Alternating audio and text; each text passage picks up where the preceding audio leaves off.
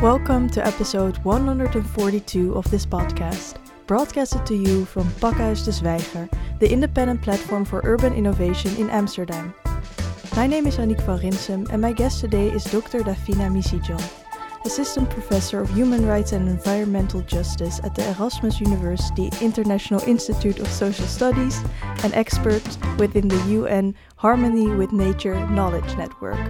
Dear Daphina, welcome. Thank you very much. What was your motivation to study law? And did you have any perspective what you wanted to do with it in your future? Well, I first uh, got interested in law and specifically international law when I um, participated in Model United Nations conferences. So that was in high school. Um, those are conferences where you get to act as though you're in the UN and you get the opportunity to write resolutions and solutions for like big uh, world problems. And that was the first time that I realized oh, wow, actually doing something with international law can affect people in their daily lives. I, for instance, had to look into issues such as um, dealing with the AIDS pandemic at that time or dealing with access to healthcare. Um, and I thought those topics were very interesting. Um, and I had never really looked at how that would influence people's daily lives. And then after that, I started thinking, okay, what do I want to study? Um, and I had to choose, or I came to choose between uh, political science and law. And I chose law because I thought, well, um, with law, you can become anything, and it's um, something that will give me a wide range of things to choose from later on in life. What can you become with law? I think a lot of people have a law background um, that we don't suspect often, but they they might end up in politics or they might teach or they might do other things that are not necessarily directly connected to law.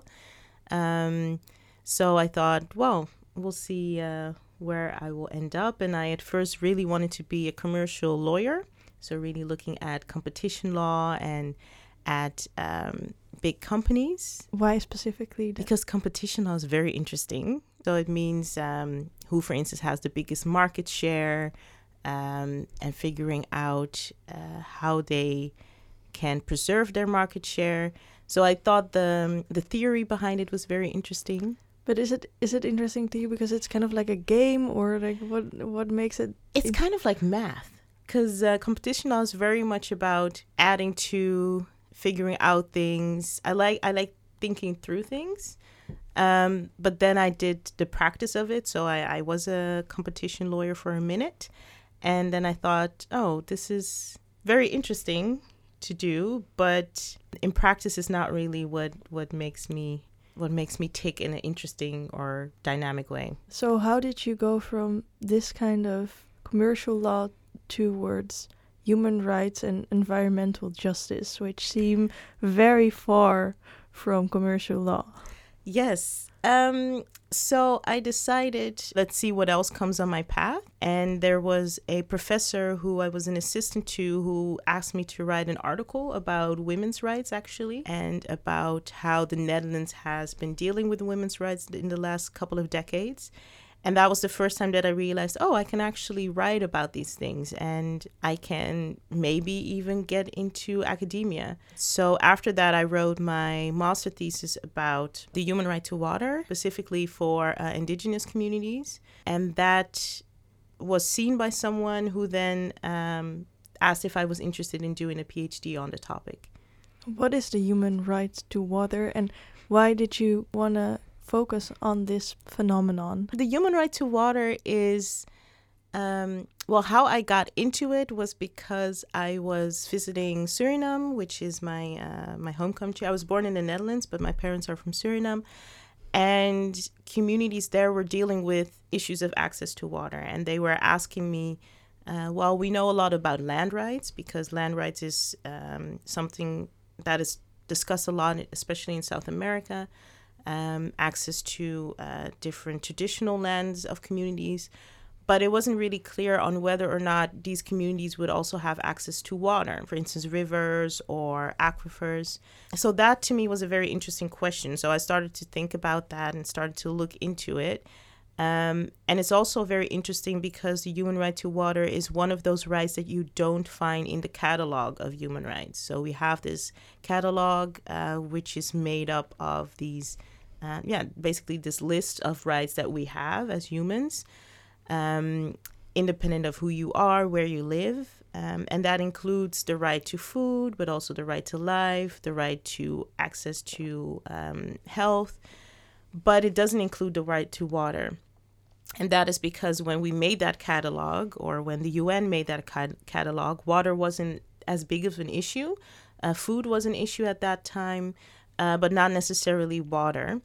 Um, so then the question comes do we actually have a human right to water? Um, and where can we find it? And what is the content of it? That is a very legal question. So, indeed, th- how much water should you get access to and what is the quality of it um, so those are kind of the things that i then started thinking about and where did you find the answers to these questions well what we then do as lawyers is that you start looking at the catalog that we have so the human rights that we have and you then start interpreting those rights and what they mean for water so for instance the right to life how does that relate to water okay that would maybe mean that you would need a minimum amount of water each day. To, Seems pretty vital to life. Yes, exactly, to live. Um, so maybe we can say, okay, at least the human right to water, if we look at the right to life, will contain maybe five liters a day. That is the absolute minimum. Then you start looking at the right because to. Because you need to drink a minimum of two, and then you need. To wash yourself, to you need cook, to cook. Yes, exactly. Clean. clean. So to sustain your life for one day, maybe you need five liters. I'm I'm just saying it on top of my head. That's kind of how we look at um, at other rights, and then trying to see how they relate to water. So, for instance, also the right to education. How does that relate to water? So, for instance, for women, it's very important, and for girls, it's very important to have access to sanitation. Um, so, what does that then mean for a human right to water? Does that how does that relate to to um, to access to education and uh, access to work as well? Because you also need teachers. So um, that is the way that you then start to look at other rights, see how they relate to water and what is necessary, and then you start formulating um, a human right to water. Because what is the human right to life? Yes, that's a very big question. So, the human right to life normally would be explained or was developed in relation to um, state power. Um, all of the human rights are actually related to state power. The state is the um, the one that is obligated to respect your human rights. So, with the right to life, it was actually meant for it to prevent states from um, arbitrarily ki- killing people. Um, so, uh, without any due process or without any reason, ending the lives of of of um, of their citizens and others within their country. So it sounds a bit negative in the sense of it makes the state not do something. Yeah, it sounds kind of like the right not to be killed. Yes, the right not to be killed, exactly. Um, but now, because of the situation that we're in, also in relation to the environment, but also in relation to other things, um, does it also mean the right to actually be supported in having a good life? Is that also how we can interpret the right to life now? Um, so, does that mean that the state actually has positive obligations to help you sustain your life? So, do um, states need to protect you from air pollution? Do they need to make sure that you have access to clean water? Do they need to do all of these things besides not killing you? So that is kind of um, what we're trying to um, to expand the right to life to be looking like. And how do you expand such a an idea? Because yeah, you you make something else from what it is, or you make it's an interpretation but mm-hmm. how do you how do you go about such a thing Um, so in the legal field, what we try to do is then go to court. Um, so what you see is that you sometimes have these uh, strategic litigation um, cases.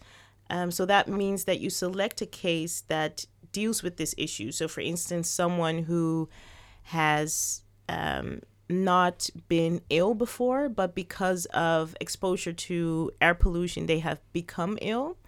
Um, and they have, for instance, hospital bills or other things, and you can prove that the state, for instance, has not lived up to its obligation to limit air pollution or to enforce um, when certain companies go over the thresholds. Um, so you take that case to court and then you argue your case. You say, well, actually, we've seen uh, the right to life only meaning that you um, that the state is not allowed to kill people, but actually it should mean this. And then you see how the judge responds. so, um, so in some cases, judges um, go along and they think, okay, um, these instruments that we have are living instruments. We often refer to them, meaning that they develop with time, they grow along with the problems that we're dealing with. Um, so sometimes they indeed say, okay, uh, in the current situation, we can see that the right to life would maybe mean this instead of just the limited view that it that we've had uh, concerning it. Fascinating idea that this is a, these are living concepts and they evolve with time. Mm-hmm. So, how do you see the role of human rights in our societies globally, and how can law help or hinder human rights for all? Human rights were kind of or were introduced as a way to deal with state power. Um, so we have formalized or have written down human rights after the Second World War as a way of making sure that we have a list of rules that states know that they need to um, live by, but also that we can point out to states, hey, you're you're in- interfering with certain human rights um, making sure that there's a court who, an independent court who looks into whether or not states are living up to human rights. Um, and I would say that human rights are also kind of the minimum standard or give minimum um, minimum obligations or kind of um, a benchmark for those who don't have any other ways of getting access to certain things. So, for instance, a minimum amount of access to education that is necessary for you to be able to live a life in dignity, uh, a minimum amount of access to healthcare to make sure that you, uh, again, live a life in dignity. Um, so, human rights are especially important for those communities who are marginalized, and those are often also the communities that um, that we see in a lot of these cases. Uh, but for them, it's sometimes also a bit challenging to get access to justice. So to be able to go to court, because sometimes it costs a lot of money to have a lawyer, or it takes a lot of time to go through these law cases. So sometimes a case can take up to five or seven years, and that is a very long time to be waiting for uh, for certain things to change. Um, but I think human rights not only relevant as a legal uh, framework, so to be able to go to court, but also as a rhetoric, so also as a way of um, talking about certain issues, framing things as human rights interventions have also this moral weight often uh, to convince communities or to convince states or to convince uh, other parties that they need to stop doing what they're doing or start doing something um, the human rights framework can be, uh, yeah, a very good way of talking about certain issues. Um, and I think that that is also what we're seeing now globally is that, for instance, environmental issues are now more and more being framed as human rights issues. So, yes, uh, it used to be that environmental organizations would be talking about the environment, but mostly as um, as something uh, not necessarily connected to humans.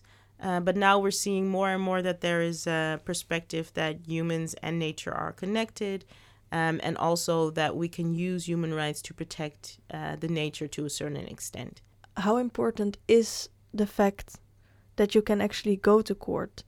Um, does that give extra pressure to actors to um, try to uphold these human rights standards. Yeah, so I do think it's very important to be able to go to court and through the court system have your human rights enforced. So, for instance, by giving fines or by having certain agencies that will um, enforce certain aspects of it.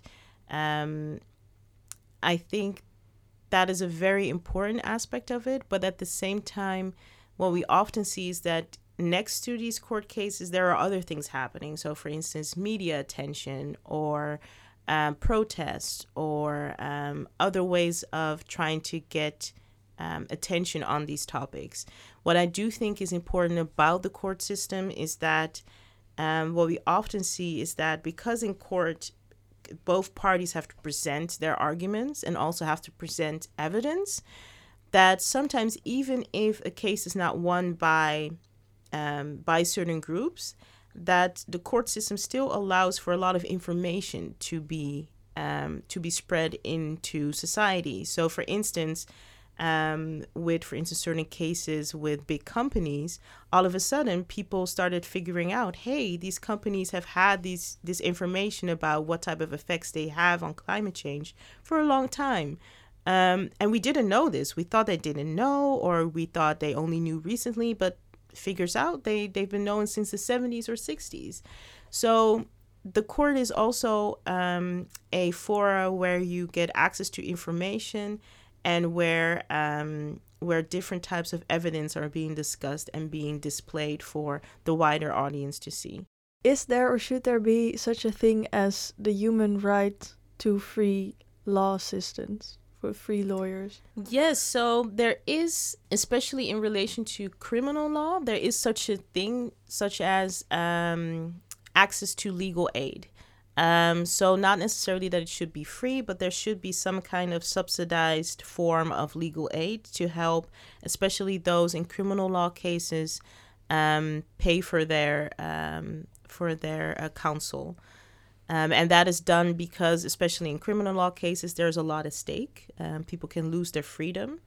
Um, so, especially in those cases, you get access or sh- you should get access to legal aid but not in all countries that is um, but also if you if you don't have your human right to food or education you could also argue that there's a lot at stake there.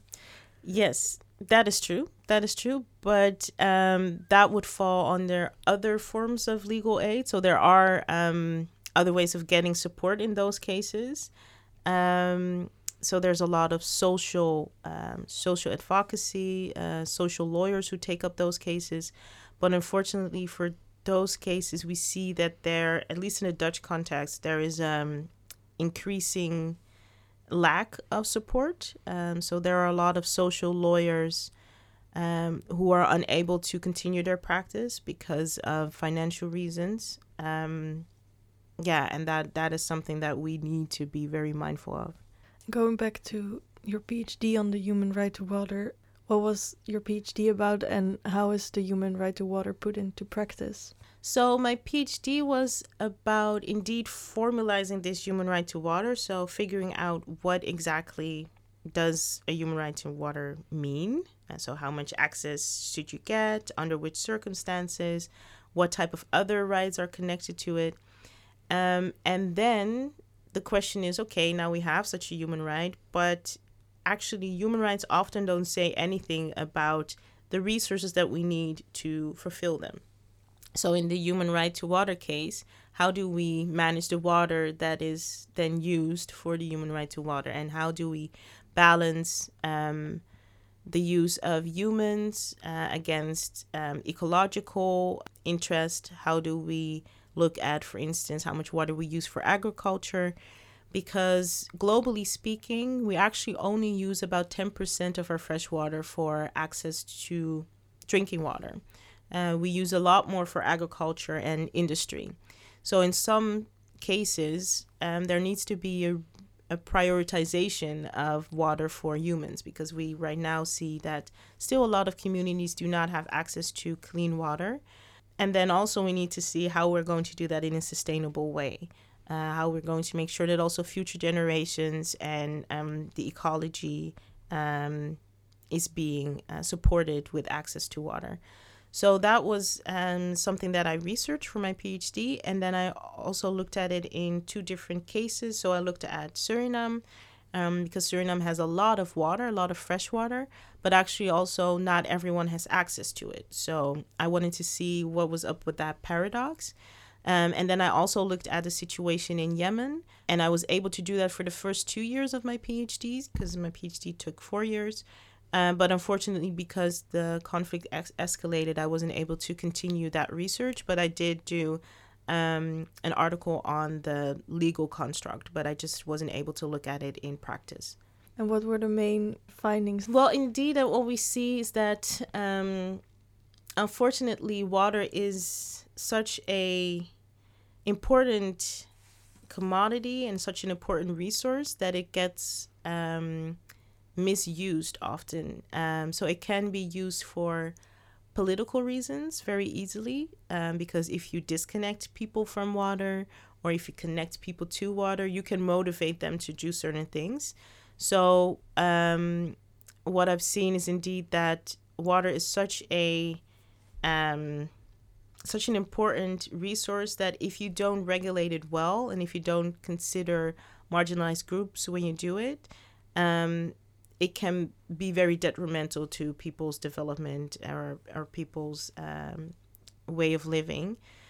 Um, and what I also have noticed is because of climate change and because of um, all of the environmental pressures that we're on, that we're really going to have to see how we're going to prioritize it um, and who is going to get access in which uh, circumstances.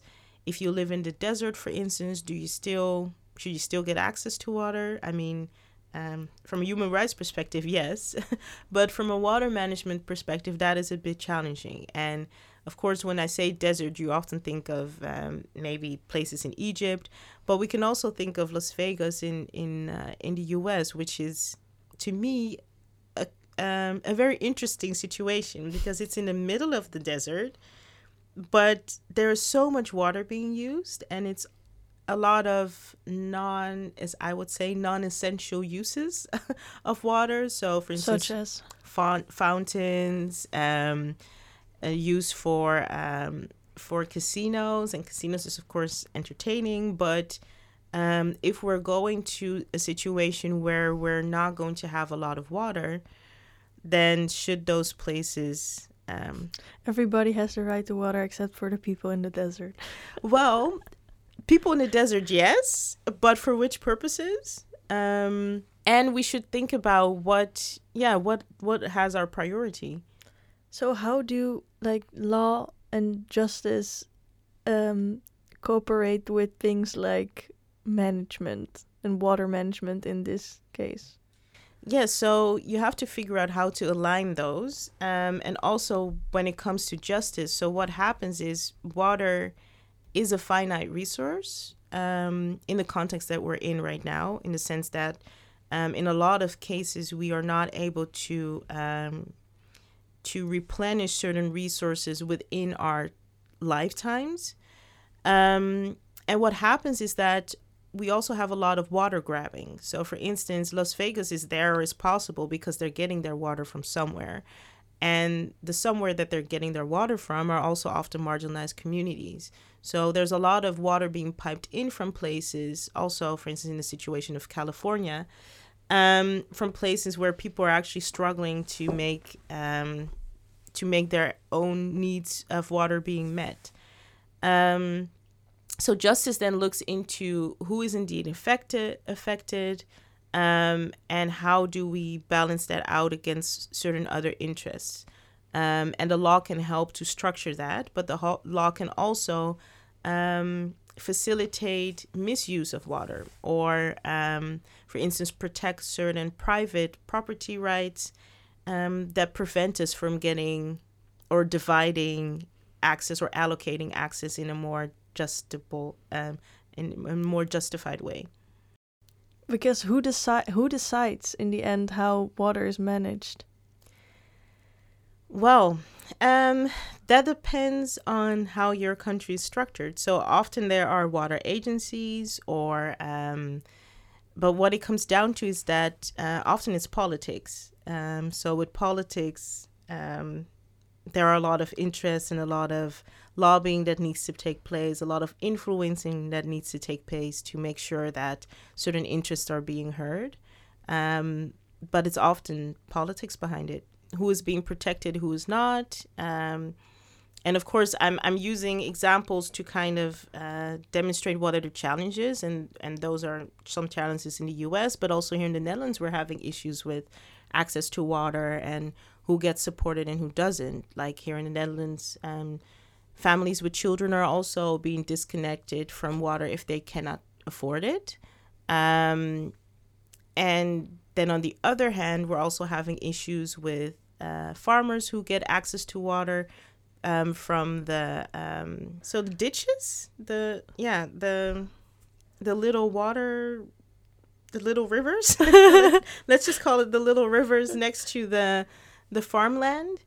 Um, and we're now seeing in the summer that we're having issues with with drought um, and to the extent that we have to say no to certain farmers to be able to get um, the water quality to, to such a standard that we can use it again for uh, for drinking water, etc. So because yeah, here in the Netherlands we we use the rivers to also drink from, uh, not just uh, groundwater. Actually. And who who then initiates this to to uh, say that hey farmers you cannot use it we should use it for drinking water. Yeah, so it's it's um, regulated by law. So we have this list of prioritization, um, and then it's for instance the water agencies or the waterschappen here in the Netherlands who keep up with looking at how what the quality of the water is and and how high the water is or how low. And they then communicate to farmers um, whether or not they can continue getting water from um, from the rivers or not. You are also an expert within the un harmony with nature program. Mm-hmm. what is the un Harmony with Nature program? Well, that is a program that was initiated by Bolivia at the UN level because they wanted to have more attention for the interest of nature um, next to all of the other things that the UN is doing. Um, and they wanted to do that actually in a, in a more uh, holistic way but in the end they figured out okay let's set up this program where we have experts that can um, that can inform us about these issues um, and let's also make uh, the international day of um, uh, of of the earth let's make that kind of a central focal point to ask attention for these things. Um, so within the program, you can find a list of experts all over the world that talk about rights of nature, um, how to balance um, certain interests in relation to nature, um, and my contribution to that is indeed, uh, yeah, a critical perspective on rights of nature, looking at how um, communities have been fighting for these rights, often marginalized communities, um, and also how, um, yeah, how we can analyze these rights of nature, whether or not they're effective or not. Or do you have yeah. an example of marginalized communities fighting for these rights? Yeah, so with rights of nature, what I mean is um, this movement around the world of um, granting or recognizing that also nature has certain entitlements. So, for instance, recognizing that the river has uh, the right to a certain quality or the right to flow the way it wants to flow without being interrupted by dams, for instance, um, the right to be restored in certain cases. Um, and this movement is a worldwide movement. Um, you can see some examples in um, South America, for instance, in Bolivia, Ecuador, Colombia, um, but also in uh, Africa, in Uganda, we have an example um, in New Zealand, in Bangladesh, in India, um, also in the US, uh, there are a few examples of indeed recognizing these these rights of nature. And what we see, for instance, in both the case in New Zealand, it's Maori community, so the marginalized indigenous community that has been fighting for this recognition. Um, not only the recognition of the rights, of the of nature, but also of their relationship with the with the river and being able to continue that relationship um, as their ancestors have have taught them. Um, in Colombia, there's also an example of um, of a local Afro-Colombian community that went to court um, because the river where they were living was polluted from different um, different type of uh, extractive industries. Um, and in that case, the court indeed said, well, it's not only this community that should have access to clean water from the river or that the river should um, not be polluted for them, um, but it's also the river that has rights in and of itself uh, to be of good quality, to be restored. Um, and therefore, humans actually have duties towards this river to make sure that it um, that it stays healthy. To me, for example, if you would say the birds have their right to fly wherever they want to go, uh, and they they have the right to be healthy, this makes more sense than to say a river has the right to flow where it wants. Because mm-hmm. um, how do you define where a river wants to flow, and and does it want to flow there, or is it just gravity that makes it want to go to the lowest point? Yeah, so I think so. What happens with these laws or these rights is that there are also like a whole catalog of what should be considered, and there's also a committee that looks at um, what the river needs. So, for instance, indeed, um, should we give more space to the river because there will be floods, for instance, or um, or what type of water cycle is there connected to the river? Um, so that is the way that they try to interpret what type of needs the river has. Uh, but of course, it's all th- still kind of through the eyes of humans and through the eyes of science um, that we interpret. Yeah, yeah, it's through the eyes of humans and, and the environment as a whole, maybe. Mm-hmm. But then, uh, why why choose this perspective of the river itself having rights and wants? yeah, it's it's kind of a translation of the worldviews of um, indigenous communities. So, for instance, with the Maori community, they consider the river to be um, to be an ancestor, to be a family member. So they already have a personalized idea of the river, um, and to translate that into law, they kind of picked up this other idea, this other legal principle or concept, which is called legal personhood um, and that is yeah often connected to us as humans you know that we have the right to partake in uh, in legal uh, things. So we can buy things we can sell things we can um, we can do all sorts of things. That legal personhood is also for instance tied to companies. Companies also have legal personhood. And now it's also being assigned to to nature. Um, and this also means that nature therefore has a right to stand in court uh, to be protected in court or through the court system and for the rights to be enforced through the court system. So that is kind of how that is being formalized. And and what falls under nature and what doesn't fall under nature? Well, that's a, depends in the different examples. So right now we have a lot of examples around rivers, and mm-hmm. what you see is that because it's often connected to which rivers are being polluted, um, that those are the ones that are then being pushed forward as an example or as a um, uh, a recipient of those rights. Um, but you can also see forests um, have been granted rights or have been recognized. Rights have been recognized of forests, but also, um, for instance, different um, rice rice species or rice kinds. in the U.S., example, for instance, sweetgrass uh, in a certain state has been recognized as having rights.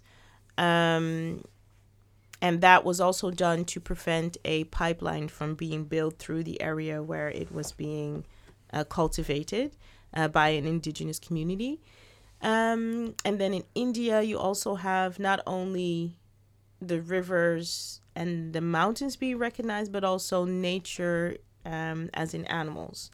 So you have different examples in different uh, contexts. So, so what makes it different from the communities getting the right to cultivate their their crops, or the co community having their right to have clean drinking water mm -hmm. and um, maybe agency over the river in their land? Well, the difference is that what they're trying to step away from a little bit with the rights of nature movement is looking at nature through only the eyes of humans. So really looking at it from the perspective that we need to be able to use it. Um, because if we look at it from that perspective, then it becomes often a very uh, temporal perspective, but also very limited in understanding the needs of the river. Because then we keep the river healthy, but only to the extent that we can use it. Um, while the river should be able to sustain itself over a longer period of time, maybe with other things um, in it because what we often also see is that we put different fish in there that are not supposed to be there or that we subtract things from it because we think uh, we need it. Um, so it's supposed to kind of push forward more the interests of the river itself. And in connection to that, also, um, it recognizes certain, like I said, the worldviews of indigenous communities and also their um, the spiritual value that they give to the river. So what you see, at least in the New Zealand example, is that also the spiritual um, attributes of the river were being recognized, not just the physical parts of it. So what kind of spiritual attributes are recognized now in the river? Um, well, that it that it is indeed uh, a family member, an ancestor. That um, but and how does that translate in concrete legal things?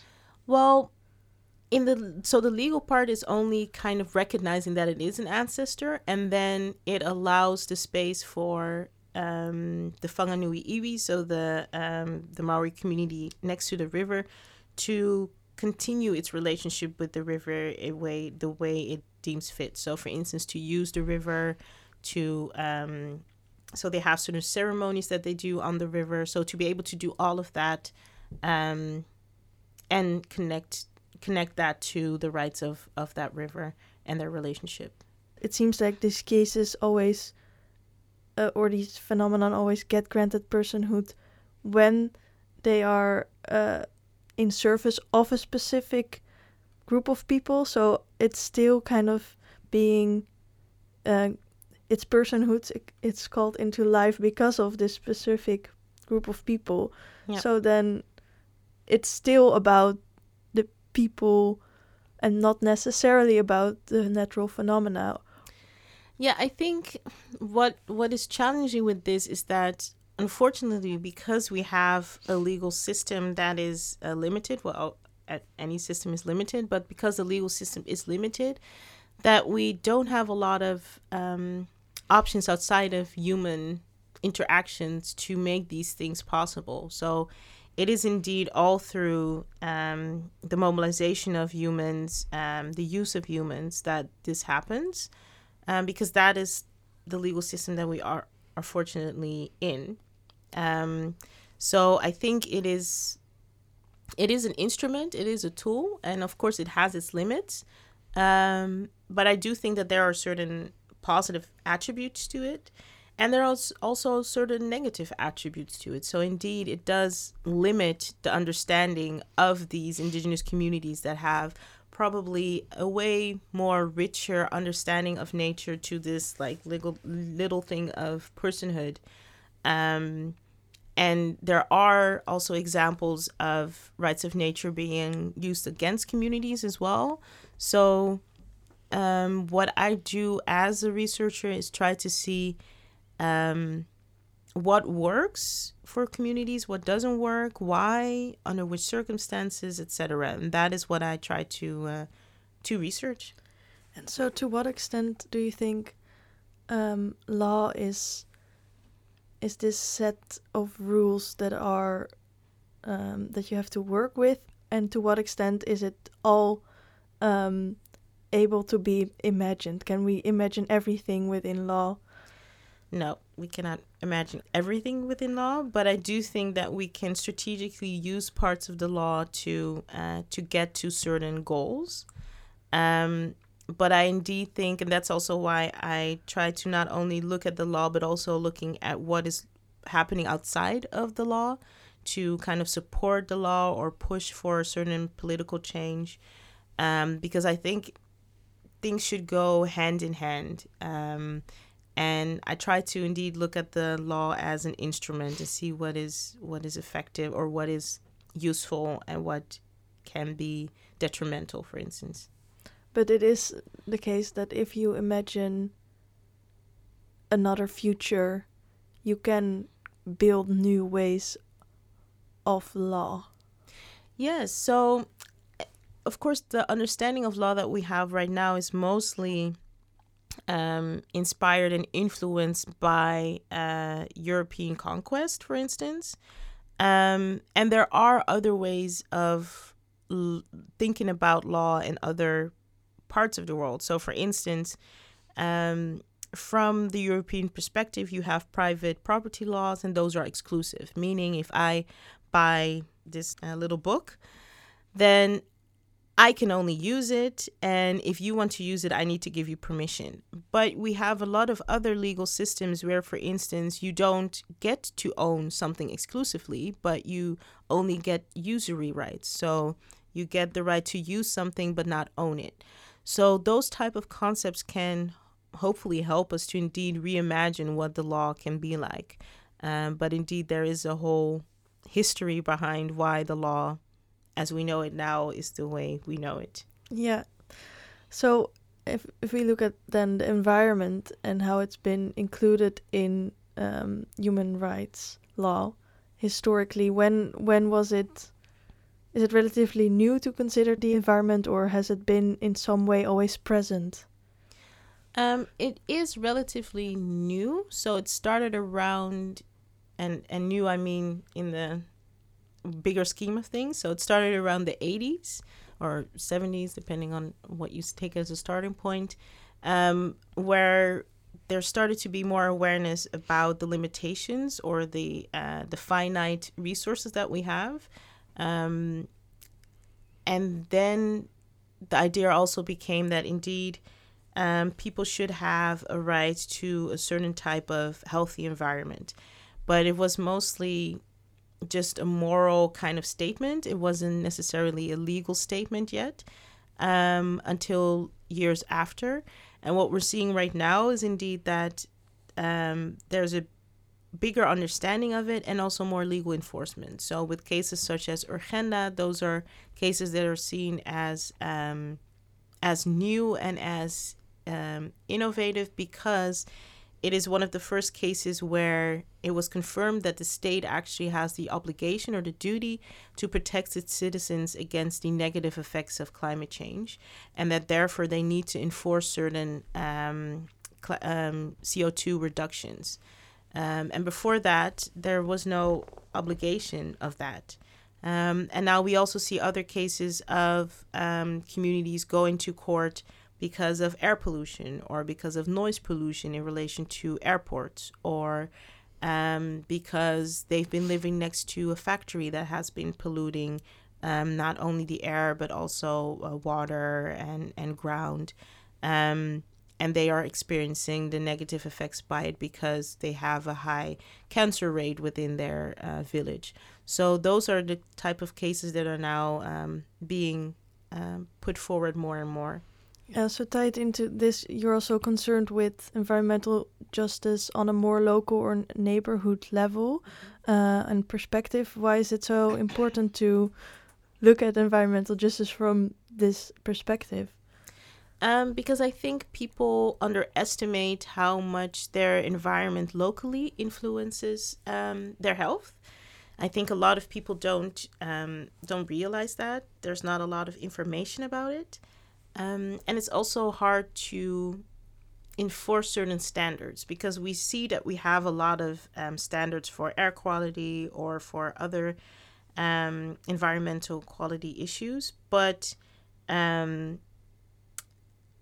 communities often don't go to court or can't go to court. That is also an issue sometimes because these standards are often put for, for instance, companies or for other or for agencies or something but not necessarily uh, but it's not necessary that they create rights for communities to um, to say hey state you need to enforce this.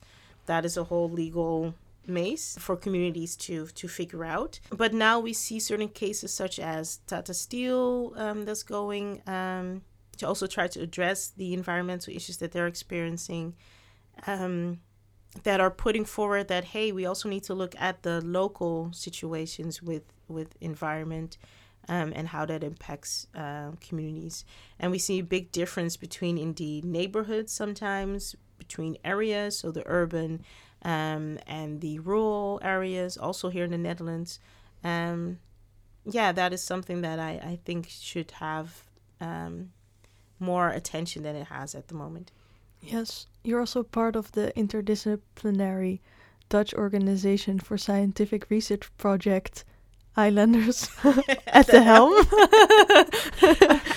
when you started, I thought, wait, where's she going with that? I was like, oh yeah, that's the long name. Yeah, yeah. yeah, the interdisciplinary NWO project. Yes. Which is the Dutch Organization for Scientific Research, um, which looks at the adaptation to climate challenges in the Caribbean part of the Kingdom of, of the Netherlands. Mm-hmm. So, uh, can you tell us a bit more about this and what your role is in this project?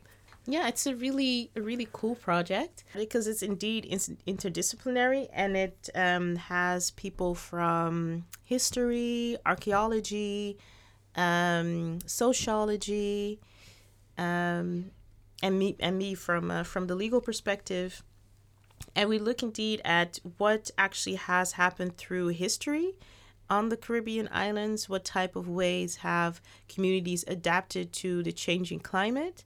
Um, and is there any type of inspiration that we can use for um, for the future? Uh, so, for instance, looking at what type of materials did they use to build. Uh, we also have uh, one uh, PhD uh, in architecture that's on in the team, um, and I look at what type of legal structure is there, um, and how can it help communities there to uh, to have their climate challenges addressed. Um, and what I found very interesting is that because of course we have the kingdom, um, and it is the kingdom that partakes in uh, in international agreements. So it's also the kingdom that is uh, negotiating, for instance, the Glasgow Agreement or uh, Kyoto or uh, the Paris Agreement. Um, and unfortunately, the last couple of agreements on climate change that have been um, that have been signed have not been signed uh, for the Caribbean part of the Netherlands. So only European Netherlands um, is a party to these climate um, agreements. And that, of course, then has certain consequences consequences on what type of uh, CO2 emissions are allowed in the Caribbean part of the, the Netherlands, uh, but also what type of access do they have to, uh, to adaptation um, finance, for instance. So those are some of the things that I'm uh, that I'm looking at. And so, how do you want to engage with that from the perspective of a law researcher? Um, well, I point out that there's this gap, um, and then I try to see what type of uh, other instruments can we use to fill up that gap. Um, so what can happen is, for instance, that within the kingdom there will be maybe some kind of agreement on how are we going to deal with this or from the EU, there can be an agreement because it's not only the Netherlands that has these overseas territories, but also France, uh, which actually shares St. Martin. So they can maybe make some kind of arrangement on how to deal with climate change uh, in that part of the world. Um, but there needs to be some kind of solution. You are the new Designing Cities for All Fellow, linking design and, and law. What do you hope will come out of it? Well, I like to hopefully raise more awareness on how uh, the law is involved in all of this. So, how the law is involved in regulating uh, where we build, uh, what type of air quality standards we have, um, and that the law is very much entangled in all of these decisions that we make in relation to how we design cities, how we try to create um, uh, equity in the world. Um, and I hope that the outcome will be that, um, yeah, that there will be more awareness that maybe people will also start researching these topics more. Um, because I think that there is still a world to be won in that sense. Um, and I hope to be able to, yeah, connect a lot of people that may not have um, have thought about these topics. So, for instance, researchers, but also um, connections between science or uh, universities and uh, practice, people who really deal with policy at a local level. Um, I hope that those connections can be made. Thank you very much, Daphina Misiedjan. Dear listeners, this was episode 142 of the podcast series by Pakhuis de Zwijger. Do you want to know more about this topic? Join our triptych series Realizing Environmental Justice on May 16th, May 23rd, and May 3rd at 8 o'clock in Pakhuis de Zwijger. Subscribe to our podcast via SoundCloud, Spotify, Apple Podcast, or another podcast platform. Thank you for listening, and until next time.